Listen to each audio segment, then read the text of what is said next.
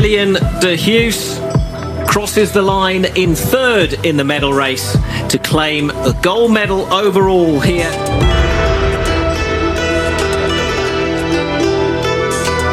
Welkom bij OO Tokyo vanuit de mooie haven van Scheveningen.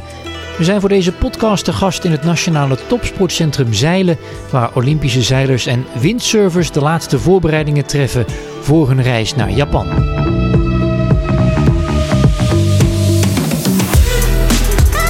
Naam is Jan-Willem de Lange en ik maak deze podcast samen met Marcella Mesker voor de gemeente Den Haag. Bij OO Tokyo stellen we een serie Haagse Olympiërs aan u voor, zodat u precies weet wie toch die mooie atleten zijn die straks in Japan willen schitteren. Na windsurfer Kiran Batlu is het vandaag de beurt aan zijn collega kanshebber voor goud, Lilian de Geus. Ik heb het over de snelste vrouw op de windsurfplank in de RSX-klasse en drievoudig wereldkampioen. En net als Batlu staat ook de Geus op het punt om te vertrekken richting de Spelen. Ja, zit je surfplank al in het vliegtuig en wanneer ga je? Nou, mijn surfplank ligt wel uh, achter slot en grendel. Het setje wat ik wil gebruiken inderdaad voor de Olympische Spelen. Uh, maar we nemen het allemaal mee. Um, ik vlieg 13 juli vlieg ik richting Japan. En 25 juli is mijn eerste wedstrijddag. Um, dus 14 juli zal ik alles meevliegen richting uh, Japan. Ja, best lange vlucht hè, Tokio. 11 uur. Ja. Zie je daar tegenop? Nou, ik ben wel wat gewend. We zijn daar ook al best wel veel geweest. Dus ik ben die vluchten ook, uh, ook wel gewend. Dus uh, nee, ik vind het op zich wel goed te doen. Uh, ik vlieg, vlieg heel veel, dus dan ben je er op een gegeven moment aan. Goed, we gaan even kijken of we je wat beter kunnen leren kennen. Aan de hand van een aantal woorden die ik zeg. En of je daar even kort op wil reageren. Oké. Okay. Je zus Esther. Mijn zus Esther, ja. Uh, ja, ik heb een tweelingzusje inderdaad, Esther de Geus. Um, daar deden we vroeger altijd alles mee samen. Zij was altijd mijn trainingspartner. En ja, altijd als ik op het water ging, uh, dan was zij er ook. Dus je kon altijd, uh, dan wilde ik iets kunnen en dan wilde zij iets kunnen. En dan pushten we elkaar altijd naar een hoger niveau. En ja, die werkt nu in Den Haag, in het Haag ziekenhuis, um, als longanalist. Voetballen. Voetballen.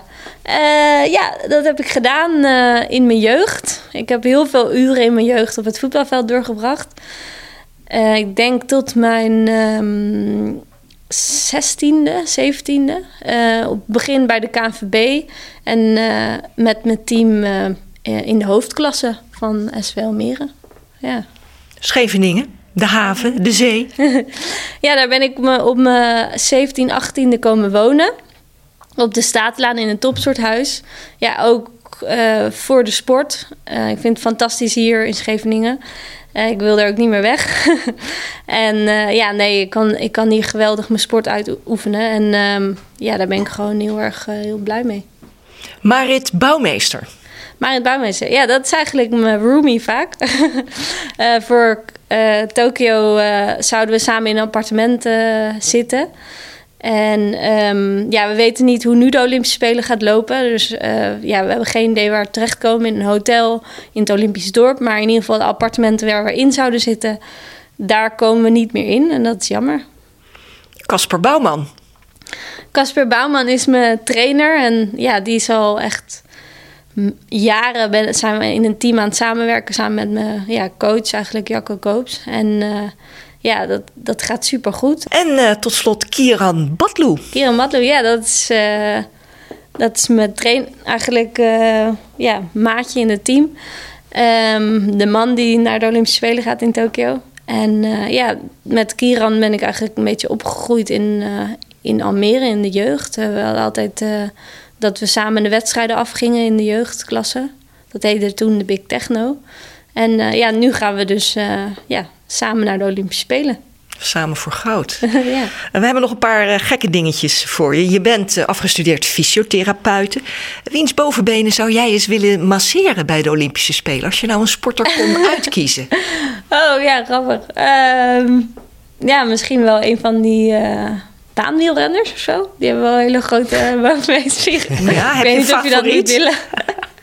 nou ja, daar heb je dan bijvoorbeeld Jeffrey Harlings toch of zo, die, uh, die wel een van de favorieten is. ja, nou, we zullen het hem uh, mededelen, ja. Hij is volgende week de gast dus. Uh. Oh echt? Oh, oké, okay, ja. Wie is je favoriete Haagse sporticoon? Ja, vroeger waren eigenlijk altijd mijn broers eigenlijk mijn icoon. Want die, die hebben mij windsurf geleerd samen met mijn tweelingzusje.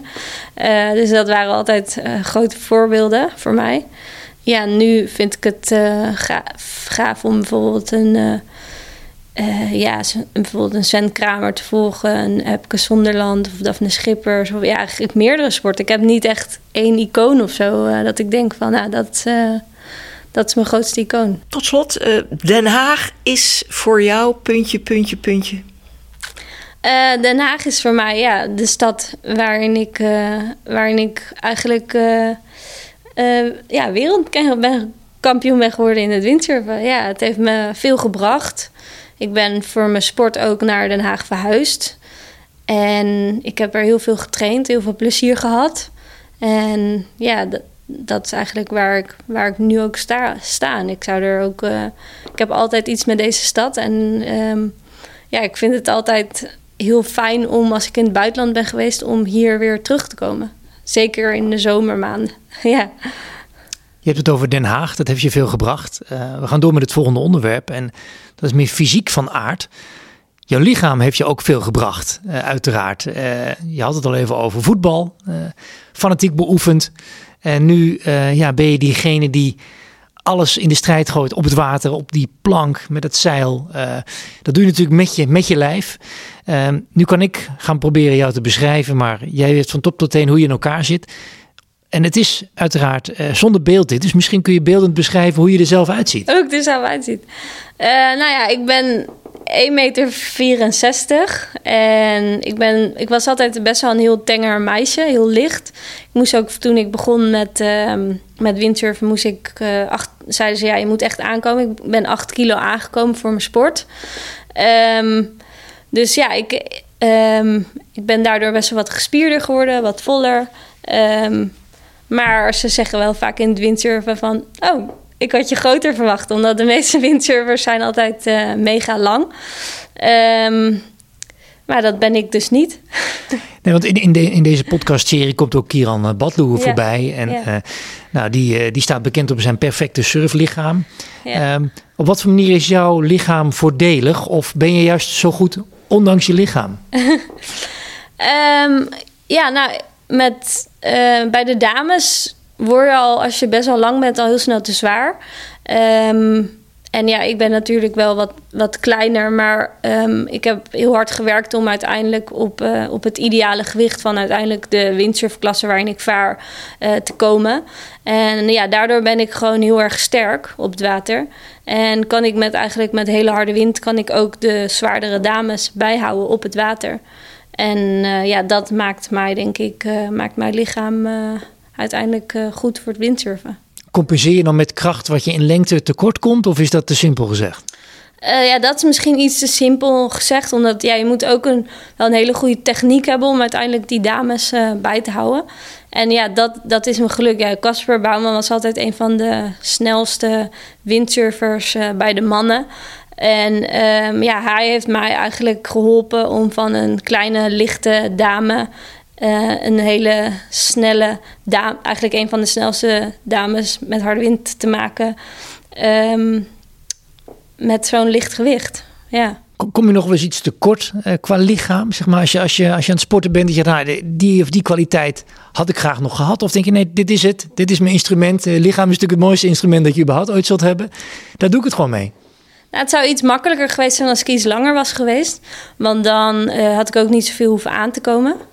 Um, en dan had ik gewoon waarschijnlijk iets, uh, iets dunner geweest en iets, uh, ja, uiteindelijk iets langer. En dat is uiteindelijk voor het windsurfen misschien met harde wind wel iets makkelijker. Uh, maar ja, daardoor heb ik andere kwaliteiten op het water ontwikkeld. ja, want er is wel eens tegen me gezegd van ja, ben je niet te klein en te licht voor het windsurfen. En ja, ik ben, heb er altijd in geloofd. En uiteindelijk ja, ben ik nu wel drie keer wereldkampioen geworden. Dus 8 kilo aankomen, ja, voor de meeste mensen klinkt dat als uh, hemel. Uh, ja. Moest je alles eten? Ben je in het krachthonk gegaan? Een combinatie van, hoe heb je dat gedaan? Ja, een combinatie van. Uh, ik was natuurlijk best wel jong toen ze toen ze tegen mij zeiden, toen was ik 17. En dan kom je altijd best wel uh, moeilijk aan op jonge leeftijd. En ik merk dat als ik wat ouder word, dat het wel uh, wat makkelijker gaat. Natuurlijk. Kunnen we over meepraten? ja, ja, maar ik moest ja, heel veel shakes, van die proteïne shakes, eiwitshakes, heel veel eten. Eerst wat in vet aankomen. Uh, en dan kan je het omzetten in spier. Vijf keer in de week in het krachthonk. dus ja, het was wel pittig. zeker wat werk en het was pittig. En op jonge leeftijd wil je ook niet echt qua vet aankomen natuurlijk. Dan wil je niet, uh, ja, wil je niet zoveel vet krijgen. En dat was ook toen ook mijn valkuil dat ik dacht van... ja, waarom kom ik niet aan? Ik, ik zit vijf dagen in het, in het krachthonk en, um, en ik kom niet aan. Maar toen kwam ik er zelf ook achter. Leer je natuurlijk als je, als je ouder bent... dat je gewoon uh, ja, ook echt moet aankomen in vet. Zodat je dat uiteindelijk kan omzetten in spier. En nu ja. heb je het lichaam dat je wilde hebben. Ja, nu heb ik het lichaam wat ik wilde hebben en ik blijf nu gewoon op goed gewicht. Ik ben nu op dit moment, uh, ja, ik woog zelfs 58 kilo. En voor de, voor, um, de Olympische Spelen in Tokio willen we 57 kilo wegen. Dus ik kan weer een kilootje afvallen. Um, Nee, dus ik ben op goed gewicht en uh, ik hoef niet meer zo extreem veel te eten nu op dit moment. Het blijft er goed aan. Ik moet wel mijn krachttraining onderhouden. Ik doe één keer in de week krachttraining. Dat moet ik echt blijven doen. En voor de rest ja, zitten we ook wel heel veel op de fiets en doen we heel veel uh, conditie- en duurtrainingen voor het windsurfen. Ja. Ben je ook fysiek helemaal klaar voor Tokio? Of zijn er nog bepaalde dingetjes waar je die je bewaart voor het laatst? Uh, ja, we zijn fysiek ben ik er wel klaar voor. We zijn wel nog de laatste puntjes natuurlijk uh, op de i aan het zetten. En dat is vooral nu het taperen richting de Olympische Spelen. Met hoge hartslagtrainingen, intervaltrainingen op de roeiapparaat. Um, dus zodat ik uiteindelijk ja, kan pieken in Japan natuurlijk. Ja. En als je nu van buitenaf een, een portret van jou zou moeten schetsen. En in een notendop een, een soort biootje. Van, van, vooral van je kracht uiteraard op het water. Wat, hoe, hoe kun je dat nou samenvatten? Nou, mensen zien me altijd als een wat kleiner, verlegen meisje, zeg maar. Maar op het water ben ik echt een killer. dat vindt mijn coach ook. Um, dus ja, dan onderschatten ze me vaak. Um, en, ja, dat is niet verkeerd, toch? nee. Nee, dat is niet verkeerd. Nee, dat is op zich wel fijn, ja. um, dus ja, zo kan je me denk ik wel op het begin uh, schetsen dat ik best wel een wat verlegen meisje was vroeger. En ik was altijd met mijn tweelingzusje, waren we altijd heel erg samen en close. En hadden we gewoon ook een beetje onze eigen taal eigenlijk als het ware. Uh, en dat is wel veranderd. We zijn wel echt gegroeid naar twee, um, twee aparte individuen. Ja, we zijn wel echt nu heel verschillend van elkaar. En dat is ook wel heel leuk. We zijn nog steeds heel close. Maar we hebben wel heel erg ons eigen leven nu. Ja. Neem, neem ons eens mee naar de, de killer Lilian. Wat, wat is dat voor iemand? um, ja, op het water. Ik heb uh, op de kant vind ik het heel leuk om lekker met ook andere dames lekker te praten en gewoon heel vriendelijk te zijn. En, en ja, ook wel een band te hebben met je, met je, met, met je tegenstanders. Ik ga er allemaal wel goed mee om. Maar als ik op het water ben, dan komt er, moet er ook wel een soort switchknop komen waarin je ja, vol, elkaar vol vuile wind kan geven en uh, ja, elkaar op een startlijn uh, af kan maken. En dat is wel belangrijk uh, dat die switch dan aanstaat op het water. Dat je gewoon echt voor de winst gaat. Nou, ik hoor daar wel iets ja. heel moois. Elkaar vuile wind geven. Vuile wind, ik wou het ook al vragen. Wat ja. is dat in hemelsnaam? Probeer nou, het mij te geven. Je ligt eigenlijk allemaal op een startlijn. En je wil allemaal de beste start hebben. Um, en je probeert zo snel mogelijk van die startlijn af te komen. En als jou dat lukt... Uh, in vergelijking met je andere tegenstanders, dan kan je elkaar op een gegeven moment, uh, als je voor ligt op de ander, dan geef je elkaar eigenlijk vuile wind. Uh, dus dat probeer je eigenlijk te creëren om zo snel mogelijk te starten, om je tegenstanders dan die vuile wind te geven. Ja. Dus dat is eigenlijk het eerste doel wat je hebt in de wedstrijd, of dat kan ja. het zijn? Ja, dat is een hele belangrijke. Je start die bepaalt gewoon ja, zoveel. Zo belangrijk om goed, goed weg te zijn. Ja weten we waar we op moeten letten straks in ieder geval. Als je van start gaat. Kijk of, die, of dat erin zit. Ja. Ja,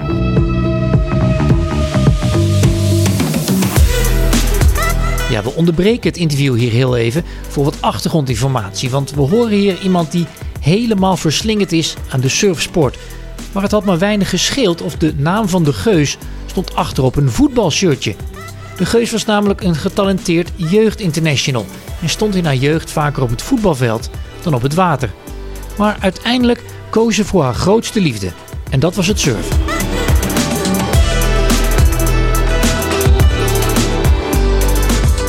Uiteindelijk is het natuurlijk toch surfen voor jou geworden. De sport Ja. die jouw hart gestolen heeft. Ja. Ehm, waarom heb je daar uiteindelijk voor gekozen? En welke kick geeft dat surfen jou dan? Ja, nou, de windsurf vond ik zo leuk altijd. Op vakanties deden we dat altijd op jonge leeftijd met mijn broers en mijn tweelingzusje. Dan zaten we altijd met z'n vieren zaten we uren op het water te spelen. Ehm, en toen werd ik bij de club eigenlijk gevraagd of ik wat wedstrijden wilde doen. En ja, dat vonden we natuurlijk heel leuk. Eh, dus dat ben ik gaan doen uiteindelijk met mijn tweelingzusje. En toen speelde ik ook voetbal. En dat begon heel erg toen eh, te overlappen. Dat, die combi was heel lastig, want dat ik zaterdag, eh, zondag wedstrijden. Maar dat had ik ook voor het windsurfen dan in de weekend, weekenden eigenlijk wedstrijden. Ehm, dus toen, ja, toen moest je je team af en toe in de steek laten. En dat was natuurlijk wel pijnlijk en eh, dat voelde ook niet goed. Totdat op een gegeven moment op een gegeven moment mijn team wel een beetje uit elkaar viel doordat veel dames gingen studeren. En toen was ik eh, gevraagd voor een Olympisch traject richting de Olympische Spelen. Toen voor 2012 bij het Watersportverbond zochten ze toen dames. En daar ben ik toen voor geselecteerd eigenlijk. En zo ben ik in de windsurfwereld terechtgekomen en steeds beter geworden. En uiteindelijk de top... eh, top eh, De beste van de wereld. beste, ja, Wereldkampioen. bereikt, ja. Zeg het maar eh, Wereldkampioen, gerust, ja. hè? Ja, er, zijn, er zijn er twee dingen. Hè. Je, kunt, je kunt vallen voor de sport, ja, maar de wereld die erbij komt hoeft niet altijd jouw wereld te zijn. nee. Ben je ook gevallen voor de wereld of ben je vooral gevallen voor de sport? Ik ben voor beide. Ik vind de wereld ook heel erg leuk en de sport heel erg eh, gaaf. Eh, het is niet altijd even makkelijk geweest, omdat ik natuurlijk de jeugdklasse heb ik best wel overgeslagen als windsurfster. Bijvoorbeeld Kieran heeft de hele jeugdklasse kunnen doen bij de, bij de, op de windsurfplank.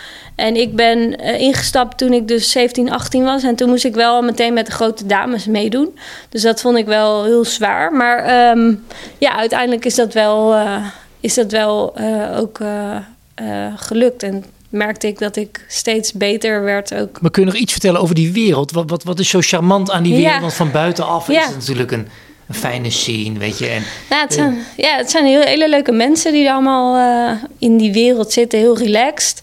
En je bent lekker in de natuur bezig, lekker op het water.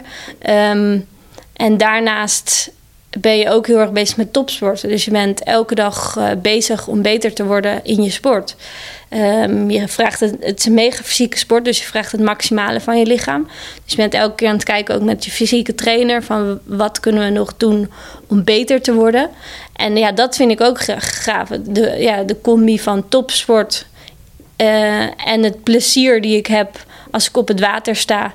En het elke dag bezig zijn met je sport om beter te worden. Ja, dat, dat vind ik gewoon heel gaaf aan uiteindelijk eh, de richting die ik gekozen heb. Ja. als we naar jou kijken, dan, dan eh, zou je ergens wel het beeld kunnen schetsen dat je een laadbloeier bent. Eh, ehm, Ja. Dat komt natuurlijk ook een beetje door je voetbalcarrière. Tegelijkertijd kun je zeggen, daar bloeide je ook al. Ehm, tegelijkertijd ben je ook een knokker volgens mij. Want je bent boven komen drijven in het voetbal. Nu kom je hier boven drijven. Ehm, past dat knokken heel erg bij jou? En, en het ook nog eens een keer echt in je eentje doen? Want eh, je hebt er nogal wat voor gedaan. Ja, ik ben wel echt een, eh een laadbloeier wat dat betreft. Ehm, ik heb er wel heel hard natuurlijk voor moeten werken. Maar ik denk dat dat eh, iedereen wel heeft, ook in topsport. Daar moet je wel keuzes maken en ehm, alles voor geven om uiteindelijk ja, de top te kunnen bereiken. Nou, som- sommigen willen misschien eerder beloond worden. Maar jij, jij vindt niet echt dat die, dat die beloning wat langer, wat langer duurt. Wat langer op zich laat wachten. Ja, ik had liever natuurlijk in Rio eh, goud gehaald. maar ja, dat viel net niet op zijn plek. Maar ehm, door Rio eh, heb ik natuurlijk op één punt die me- medaille gem- gemist. En dat gaf me wel heel veel eh, kracht en motivatie ehm, om, om echt in Tokio hier uiteindelijk voor die medaille, voor de gouden medaille te strijden. Welk gevoel komt nou bovendrijven bij jou als je terugdenkt aan die Spelen in Rio de Janeiro? Ja, het was echt een mooie ervaring natuurlijk. Maar uh, Rio was voor mij natuurlijk wel een teleurstelling met, uh, met die vierde plek. Maar het heeft, heeft me wel veel gegeven uh, dat ik wel heel erg gemotiveerd ben geworden om heel hard te werken en nooit meer vierde te worden. En uh, voor ieder punt in de wedstrijden die ik nu vaar te strijden. Zodat ik nooit meer op een punt een medaille verlies. Dus ja, het heeft me wel veel, veel gebracht, Rio. En ik hoop dat, dat ik dat, dat ik kan laten zien in Tokio. Um, um, ja, alles waar we de afgelopen tijd aan gewerkt hebben, dat, ik, dat er een mooi resultaat uitkomt. Ja. Droom je daar al van? Ja, ik droom er zeker van. Ja. Je droomt er wel vaak van. Ja. Je, en wat zie je dan? Ja, je, je beeldt je wel het beeld in jou met dan uh, die gouden medaille en de, en, en de race zelf. Van hoe je dan die gouden medaille wint. Nou, is die droom dan ook iedere keer hetzelfde? Of is het steeds een ander stukje in de droom dat naar voren komt?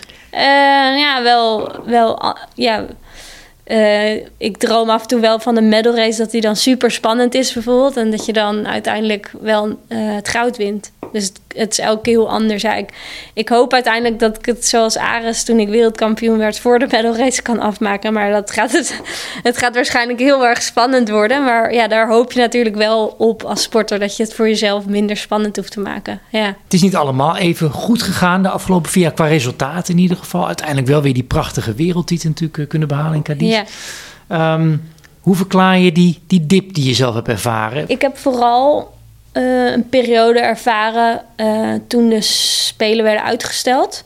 Waarin je natuurlijk al je doelen wegvallen. En dan is een jaar wel lang. Dus dat heb ik ook gezegd tegen mijn coach Jacco Koops. Van, ja, ik heb gewoon geen motivatie op dit moment. Ik vind het heel erg lastig om me op dit moment te motiveren. En, en dan, dan, dan is die periode wat, wat lastiger voor je. Maar je bent natuurlijk nog wel in deze omgeving. Um, ik ben wel benieuwd of je dan ook deze omgeving wat beter hebt leren kennen als het gaat om Den Haag slash Scheveningen. Uh, ja, nou ik heb hier dus in Den Haag uh, heb ik wat fysiotherapiewerk gedaan. Um, en ik heb ja, vooral ben ik lekker veel thuis geweest uh, sinds kort.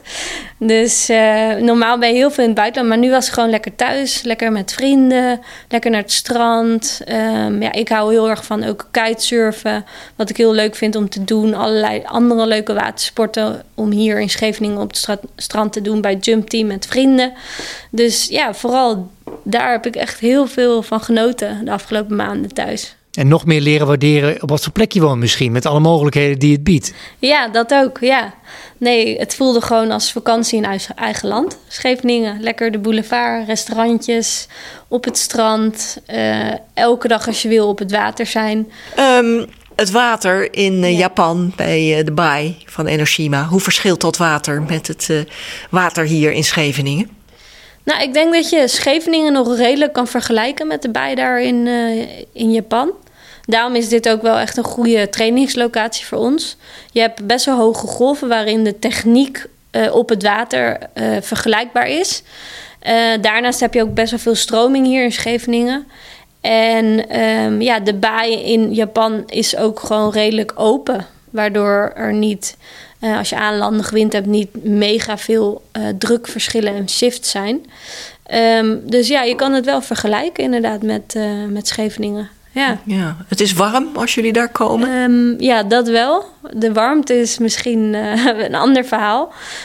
Um, ja, we hebben twee jaar geleden een testevenement gehad waarin het gewoon uh, eh, 40 graden was.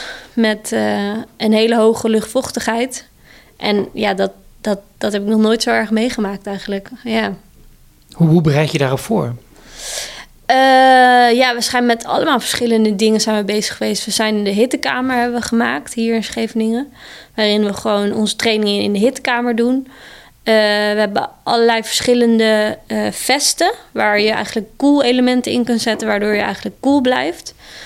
slush puppies hebben we gehad in Japan. Om ja, toch heel koud drankje te hebben. Waardoor je wat sneller afkoelt. Dus ja, we hebben daar echt mega veel mee geëxperimenteerd. En het werkt wel ja. We gaan naar het einde toe. Uh, nog, wat, nog wat korte vragen over de reis eh, van hier tot uh, Tokio. Um, om te beginnen, welke muziek ga jij nou luisteren in het vliegtuig? Je mag, je mag één bandje opzetten of één artiest. Ik ben heel erg veel van afwisseling um, in mijn muzieksmaak. de goede top 40 hits tot, uh, ja, tot sportmotiverende nummers. Martin Garrix bijvoorbeeld, of uh, gewoon wat actievere muziek. Als je, als je nou kijkt naar, naar, naar Tokio en, je, en je, je droomt erover, is er een bepaald visioen, een beeld dat steeds weer terugkomt? Iets van hoe het eruit ziet of iets wat je gaat beleven, iets, iets heel kleins. Is er, is er in je hoofd iets wat steeds weer opdoemt? Ja, ik kijk heel erg uit naar, naar eigenlijk de medal race, de laatste dag. Hoe staat het met de kriebels? Uh, tot nu toe gaat dat wel goed eigenlijk. Ja, uh, ik heb eigenlijk dat het vooral begint te komen als, het, uh, als de wedstrijden op een gegeven moment gaan beginnen. Ja, maar dat is wel een, uh, een gezonde kriebels, want dat heb ik ook tijdens, tijdens een WK. En dat maakt me ook wel heel scherp in je focus. We willen afsluiten met, met wat Japans. Heb je, heb je al iets geoefend? Kun je je enigszins verstaanbaar maken? Als je gedag wil zeggen van ni hao en arigato, dat soort dingetjes. Maar niet, uh, nee, zeker niet. Uh, kan me niet verstaanbaar maken daar. Nee. Wij zeggen in ieder geval uh, gambaru, hè, Marcella? Ja. Gambaru, ja? Veel succes. Oh, oké, okay, ja. ja. Nou weet ik dat ook weer. Sayonara. Gambaru. Tot ziens. Oh ja.